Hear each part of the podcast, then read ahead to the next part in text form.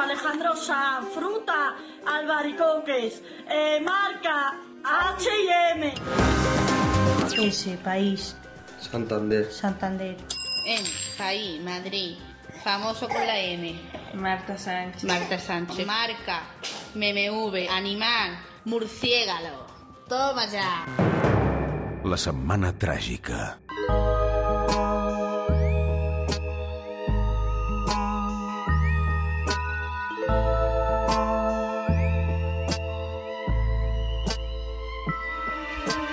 Passen 6 minuts de les 10 del matí, som al suplement, som a Catalunya Ràdio. És diumenge, cap a Londres hi falta gent, la setmana tràgica. Ion Sindreu, columnista al Wall Street Journal, bon dia i bona hora. Bon dia. I jo, eh, Toni Rodon, doctor europeu en Ciències Polítiques, investigador a la London School of Economics, professor de la UPF. Hola, Toni. Bon dia i bona hora, què tal? Molt bé, com esteu? Bé, Congelats. escolta, molt de fred aquí, eh? Això, Sí. sí. sí, sí, fa més fred que una reunió entre Junts per Catalunya i Esquerra Republicana. Una rasca Sí? impressionant. A quina, que, on teniu el termòmetre, a veure? Quan està la cosa? Doncs ara mateix estem a ni fred ni calor, 0 graus. 0 graus, eh? Um, però és, és, és el que toca, no?, per Londres a aquesta època de l'any. Sí, sí. sí. Hi ha altres uh, geografies del país on estan a menys 12 avui. Doncs mira, no us podeu queixar. No. Bueno, no sortim de casa, bàsicament. Sí, el que passa és que, és que aquí, diguem, el- l'habitatge eh, està fet de manera deficient i molt sovint doncs, et congeles o et, o et fons de calor, no hi ha punt mig. Què dius, això? I, i, i- això? Home, perquè... Home, perquè pensa que, que es parlem d'un d'un estoc d'habitatge en gran part fabricat a l'època victoriana i, per Sí. tant, uh, i, i, i sovint, a més, convertit, com seria el cas on, on visc jo, uh, en què s'han agafat cases que en el seu dia eren cases senceres, perquè ens entenguem, i s'han dividit en pisos um, de maneres uh, poc, uh, diguem, uh, ortodoxes, uh, amb materials sovint no massa recomanables durant els anys 80 i 90. Llavors aquí tens una combinació d'edificis antics que sovint no tenen aïllament a fora amb uh, reconversions internes que tampoc estan massa ben fetes. Eh? Per tant, això du a que Uh, doncs és una, eh, diguem, és una manera de viure preparada perquè hi faci un clima uh, que no sigui ni massa fred ni massa calorós. Llavors, al moment en què això es trenca, pateixes. Realment la campanya de màrqueting que esteu fent tots per eh, que us vinguem a veure a Londres és fantàstica, eh? Eh, Home, podeu venir, però a les, No, clar. a les estacions bones. Mm. Sí, no? I a És més a dir, a més... és a dir, a les que hi plou. No, però l'hivern és el millor moment de venir, eh? perquè eh, la ciutat està més buida, no hi ha turistes, els vols són barats. Escolta, eh, portes obertes, eh? Bé, avui a la Setmana Tràgica parlarem d'un fenomen, eh, fins i tot podríem parlar d'una revolució, i és la dels medicaments contra l'obesitat. Mai abans s'havia aconseguit reduir el sobrepès amb tractament farmacològic i això dona molta esperança en la lluita contra una malaltia que, en molts casos, no és considerada com a tal. Ara bé, també obre la porta a un mal ús massiu d'un medicament que, d'entrada, s'utilitza per tractar la diabetis i també obre la porta, evidentment, al negoci. A veure, Ion, si parlem de tractaments contra l'obesitat hem de parlar de l'Ozempic. Aquest és el medicament que últimament ho ha revolucionat tot. Explica'ns per què, Ion. A veure, més, més o menys, eh? però sí, uh, l'Ozempic és, una, és un medicament uh, de l'empresa danesa Novo Nordisk. Cal, cal explicar que el mercat ha embogit eh? amb això de, de l'obesitat, per això en parlem també aquesta setmana. Penseu que aquesta Novo Nordisk i una americana que es diu Eli Lilly són dues farmacèutiques que han incrementat el seu valor en borsa uns 350.000 milions de dòlars només aquest any. Eh? És a dir, uh, han crescut més el valor que totes les companyies americanes de l'índex S&P 500 excepte 18. Per tant, estem parlant d'una bogeria semblant a, a les de la intel·ligència artificial i, de fet, si mirem també les accions d'empreses de menjar allò que en diem escombraria, per exemple, Kraft Heinz, Coca-Cola, Pepsi, totes aquestes empreses han caigut en picat. I també han caigut en picat les accions d'empreses que estan eh, vinculades a la insulina o al tractament de la diabetis. Per què? Eh, doncs perquè aquest Ozempic, eh, que de fet dèiem que és un fàrmac contra l'obesitat, això no és ben bé així. És un, és un fàrmac contra eh, la diabetis. El que van trobar a principis dels 80 és que hi ha una hormona que es diu eh, GLP-1 que regula els nivells de glucosa en sang. I això va fer que fos un tractament de precisió perfecte eh, per substituir aquelles famoses injeccions d'insulina eh, que tots els que han tingut companys eh, diabètics a l'escola, per exemple, recordo que, que doncs, s'havien de fer, no? Eh, I, per tant, és molest. Uh, el que es van trobar és que aquest GLP-1 uh, tu te l'intros, oh, abans d'arribar al pàncreas eh, desapareixia. Eh, llavors aquí hi ha hagut tot un procés de refinament. Eh, per exemple, el 2005 es va començar a posar a la venda, això per part d'Amlin Pharmaceuticals, una, un fàrmac que es deia el Vieta, eh, que bàsicament eh, van trobar en saliva de llangardaix que hi havia maneres de fer que, que, aquesta, que aquest GLP-1, aquesta hormona, eh, durés més. Però eh, tu seguies havent d'injectar dues vegades al dia. Per tant, això en desincentivava l'ús. La primera revolució que va venir aquí va ser precisament a Novo Nordisk eh, amb un fàrmac que es deia la lira glutida. Um, aquest fàrmac va rebre l'aprovació als Estats Units el 2010 uh, per uh, ser utilitzat uh, doncs, contra la diabetis. Um, el que passa és que llavors van descobrir que tenia un efecte secundari inesperat, que és que la gent semblava perdre pes. Um, clar, heu de pensar que Nordisk avui en dia concentra el 46% del mercat mundial de l'insulina. Ells es veien uh, com una empresa que, que tractava la diabetis, però de cop es van, es van trobar amb això, uh, van seguir investigant a maneres d'incrementar la potència d'aquest GLP-1 i van descobrir amb rates que es veu que si els injectaven això directament al cervell, doncs perdien la gana.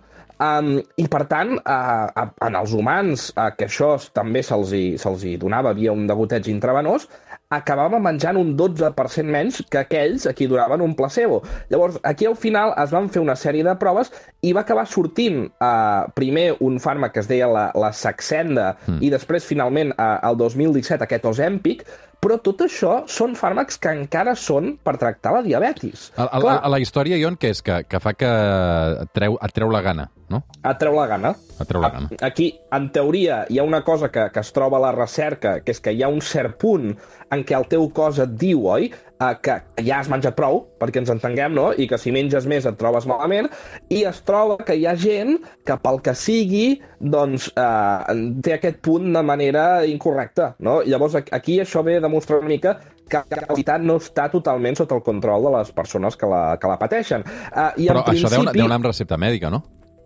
Això va amb recepta mèdica, i aquí anem al tema, és a dir, tu pots obtenir una recepta d'això a part del diabetis eh? no, no accepta per la obesitat encara, o es comença a fer, ara en parlarem. Uh, però, uh, clar, molta gent se l'ha anat prenent, no? I sabem que arreu del món hi ha metges que per sota la taula doncs, l'anaven receptant perquè perdessis pes a gent que tenia excessiva, doncs, que estava obesa mòrbida, perquè ens entenguem. Mm. Um, clar, l'empresa anava en compte de no anar massa lluny, però ells anaven deixant caure, no?, que, que els que prenen el, el fàrmac resulta que, que s'aprimaven. Uh, però ells el que volen, evidentment, és explotar de debò les seves possibilitats comercials. I aquí és on ve aquest boom recent, no? Uh, Novo Nordisk ha estat fent assajos clínics, el, 20, el 2021 finalment uh, se'n van sortir amb el regulador regulador americà i es va començar a vendre uh, aquest Ozempic sota un altre nom que es diu Wegovy que mm. és, és el mateix medicament, però amb dosis una mica diferents, i es, i es pren per perdre pes. Uh, el 2022 es va aprovar aquí a la Unió mm -hmm. Europea, uh, de moment només es distribueix a Dinamarca, Suècia, Alemanya i al Regne Unit. Aquí, a, a, um, intentem millorar aquesta connexió amb el Ion Sindreu. Uh, Toni, um, entenc que això també obre un debat ètic sobre, sobre aquest negoci uh, versus la salut, no? No, home, clar, clar, clar. Ara, de fet, ho explicava en Jon, eh, aquesta, aquest, aquest medicament ha suposat una revolució, de fet, eh, al costat de la intel·ligència artificial. Eh? Eh, podríem dir que són els, entre cometes, els dos grans guanyadors d'enguany de, a, nivell de, a nivell de borsa. I aquí obre, un, per mi, un parell de, un parell de temes, el, el, com a mínim. El primer és aquesta qüestió que ara apuntava, apuntava en Jon, que és la poca responsabilitat a l'hora de doncs, donar la imatge que, hi ha, que existeix aquest medicament i que, per tant, doncs, eh, diguéssim, ens podem descuidar i ja prendrem una pastilla que, que ho arreglarà tot. Uh, sabem pels estudis uh, en obesitat que la, obesitat en general uh, és multifactorial, és multicausal, però que uh, hi ha una part genètica i una part ambiental. Però el percentatge de què és una cosa i què és l'altra és, és complicat d'establir, de fet varia entre, entre diferents persones. I després hi ha l'altra qüestió, que és que, uh, que potser jo en, en anava a parlar, que és la qüestió de que um, aquest medicament ja comença a circular per, per les xarxes socials i per qüestions com TikTok, Instagram... Oh, és a dir, gent... Hi ha aquell anunci de la Kim Kardashian Exacte. eh, que va popularitzar precisament aquest medicament a TikTok eh, i va dir que l'havia fet servir, no sé si us recordeu, per posar-se un vestit molt senyit a la gala Met del 2022. I eh, ella va fer un TikTok explicant que havia fet servir aquest medicament perquè aquell vestit li entrés d'alguna manera. Aleshores, clar, aquí... Mm, Clar, això és molt perillós, perquè com hem parlat més eh, d'una vegada en aquest eh, programa, a les nostres societats eh, hi ha una certa bossa de gent que té una desconfiança profunda versus les institucions, i en aquest cas eh, la, la, la qüestió de, dels metges doncs, seria una institució que sovint doncs, també es veu amb recança. No? En canvi, TikTok, xarxes socials i sobretot celebrities tenen una força enorme doncs, per eh, popularitzar certes qüestions, des de les notícies falses als medicaments. Llavors això obre la porta al seu mal ús i a que hi hagi un cert mercat negre, sobretot en llocs on l'obesitat és un gran problema, com als Estats Units, eh, però va. també eventualment a Catalunya. Eh? Recordem que al nostre país un 17% de la població adulta i un 11% de la població infantil entre 6 i 12 anys té obesitat. Als Estats Units és gairebé el 40%, eh, pel 17 d'Espanya. De, d'Espanya. um, clar, uh, una cosa és que aquest medicament te'l recepti un metge per eh, fer front a l'obesitat, l'altra cosa és que te l'autorecepti Kim Kardashian, que és evident que no té cap problema d'obesitat, simplement per prendre-se'l perquè li càpiga un vestit. Um, I aquí és on hi ha aquest debat. Um, Toni, no entenc? Sí, sí, exacte. I a més a més això eh, lliga amb, amb una qüestió més genèrica que és eh, el, el tipus, doncs, l'efecte que provoca la, la obesitat o, o el sobrepès a, a la nostra societat. Recordem, i això s'ha demostrat en molts estudis, que la gent amb sobrepès i amb obesitat pate, pateix diferents tipus de, de discriminacions àmplies. Per exemple, s'han fet estudis d'aquests eh, bastant coneguts, que són els estudis de- d'enviar currículums, que són molt fàcils d'explicar, simplement uns investigadors envien currículums de forma aleatòria a diferents empreses i el que fan és canviar la foto, no? Agafen la mateixa persona i uh, una mica la, la canvien i la persona en una, uh, en una foto és més grassa i en canvi en l'altra és més prima. Doncs bé, uh, el que s'ha trobat és que a l'hora de, de rebre propostes de feina, uh, a l'hora de rebre uh, augments de sou o, o promocions, la gent amb sobrepès o la gent que té obesitat doncs té més problemes per, per aconseguir-los, no? Perquè doncs, es veu com una mena, el que se'n diu en psicologia, una drecera cognitiva, és a dir, com una mena de, de senyal que aquella persona doncs, no està sana o que doncs, no farà la seva feina amb, amb, amb allò, amb garanties.